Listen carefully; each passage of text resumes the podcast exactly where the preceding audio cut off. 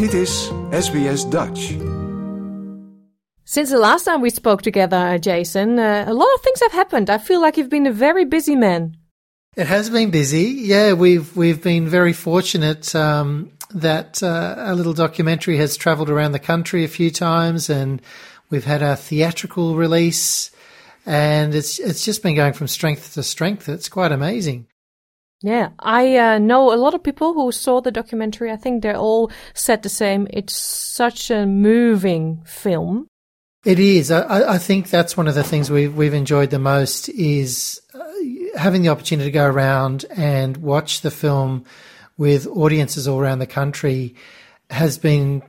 Uh, we keep using this word cathartic, but it is cathartic because it, it allows us to uh, connect with people in a similar journey. There's a lot of carers coming along to those screenings. Um, and then obviously having the, the Q and A's at the end of those screenings has, has given us this wonderful opportunity to, to, uh, you know, join in conversation with, um, people that have walked a similar journey to us. Um, and so many Dutchies coming along to screenings as well. It's been amazing. Mm, yeah, yeah. And um, I mean, I follow you online, and uh, I felt like you were a superstar. You were one day in this uh, city, then the next day in Adelaide, and then you were in Perth, and back to the Central Coast, and and off you went again. It looked a lot more glamorous than what it really was. I mean, uh, we, you know, I've seen more places in Australia, um, it, you know, in the month of August than I've seen in my life, but uh, it certainly wasn't glamorous. we we were were uh, flying into a town for one day and then doing a screening that night and then flying out again the next day. But you know, it, it, it was it was a lot of work. But but it, all in all, it's it's been an incredible privilege to be able to tour around with a film that's connected with people in such a way to be able to share the story of my mum or my family's Oma um, we, with people all around the country from different walks of life, both Dutchies and Aussies and multicultural audiences.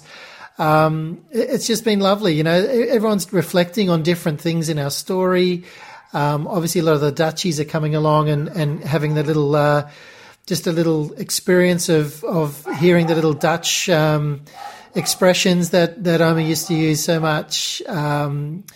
Little songs in the film, just so much that people are reflecting on, and it's it's beautiful just to connect with people and ha- have a conversation about that.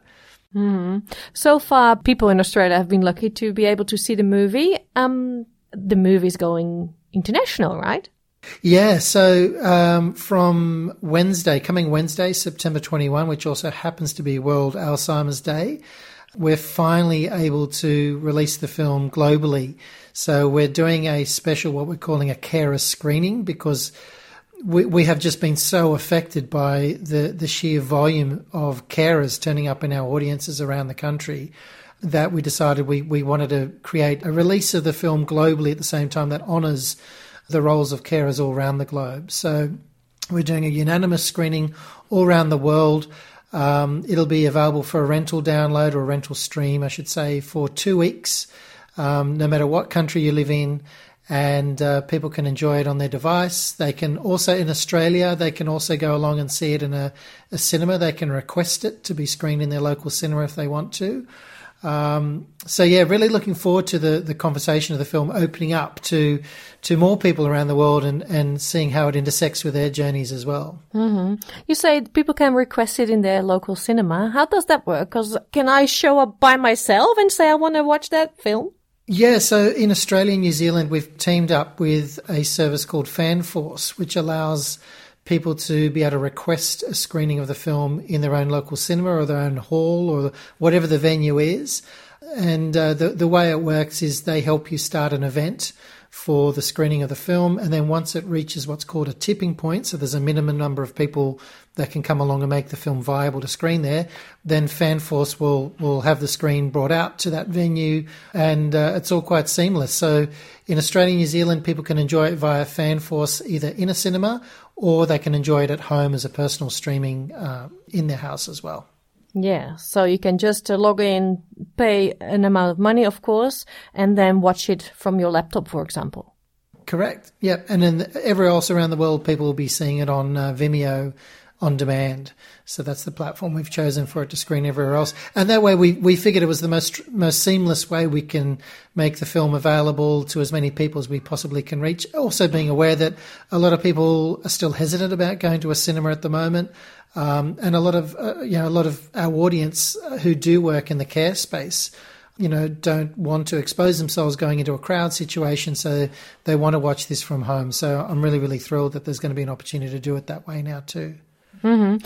You already mentioned them, the carers. Um, for everyone, there's something in this film. Carers, people who work with people with Alzheimer's, well, how do they respond to it? Because they probably look to it with a different vision.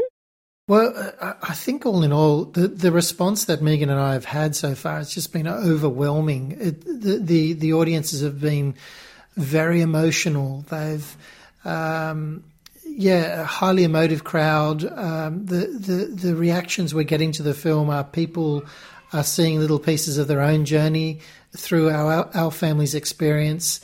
There, there's that sense of validation. People feel that, like they're unalone. They've been seen and heard. Um, and it's not often, I think, that we see a story like this uh, about a journey living with dementia portrayed in, in such an, uh, an honest or an observational sort of style. You know, we, we don't have any, there's, there's no, you know, clinical uh, experts sort of weighing in on the debate of the film. We don't, we, we haven't played that card. It's really just a very honest, very raw family story about a lived experience and one that has both its joys as well as its extremely raw moments. So I think that's what audiences have really connected with the fact that it's such a truthful story. It's so relatable, and you know, it's it's it's getting people by surprise. I find that they're really really finding it. It's taking them on a, a, bit of a personal journey as to how they relate with elders in their own family. You know, just just that sense of reconnecting is really really important. Mm. It all started in Sydney at the film festival, the first time that the, the broader public could watch it. Are you already uh, talking to um, international film festivals? Look, we're starting to. Um, we, we've had a, such a great response from Australian Film Fest. Obviously, we, we premiered at the Sydney Film Festival. We were also invited to um, participate as part of the Melbourne International Film Fest. And then more recently, we just uh, screened in Cinefest Oz in West Australia. Um, we've also been nominated for an AACTA award for best documentary. So there's a lot of bars and a lot of interest happening in Australia. I think for us, the real test will be um, from next week once we release this globally for people to, to have a, a, preview of the film. It'll be really interesting to see what other festivals or uh, what other connections we do make overseas because I think it is a story that does. Um, globally translate to so many people all around the world. It's not just an Australian story. It's not just a Dutch story. It's very much a transgenerational story that's cross culture. Um, and uh, yeah, I, re- I, really do hope we, we see some interest from, from other festivals or other you know streamers and the like overseas because I think there's a, a lot to be gained by people watching the film and, and partaking in the conversation about how we can love each other a little deeper, a little harder, and when things get a bit more challenging in our families, such as what we experienced, that there's there's more than one pathway through. Mm-hmm. Yeah. Is this something you see yourself doing long term? Um, Oma has passed away, so we won't see her again. But is this this something so close to your heart that you want to do something with it in the future as well?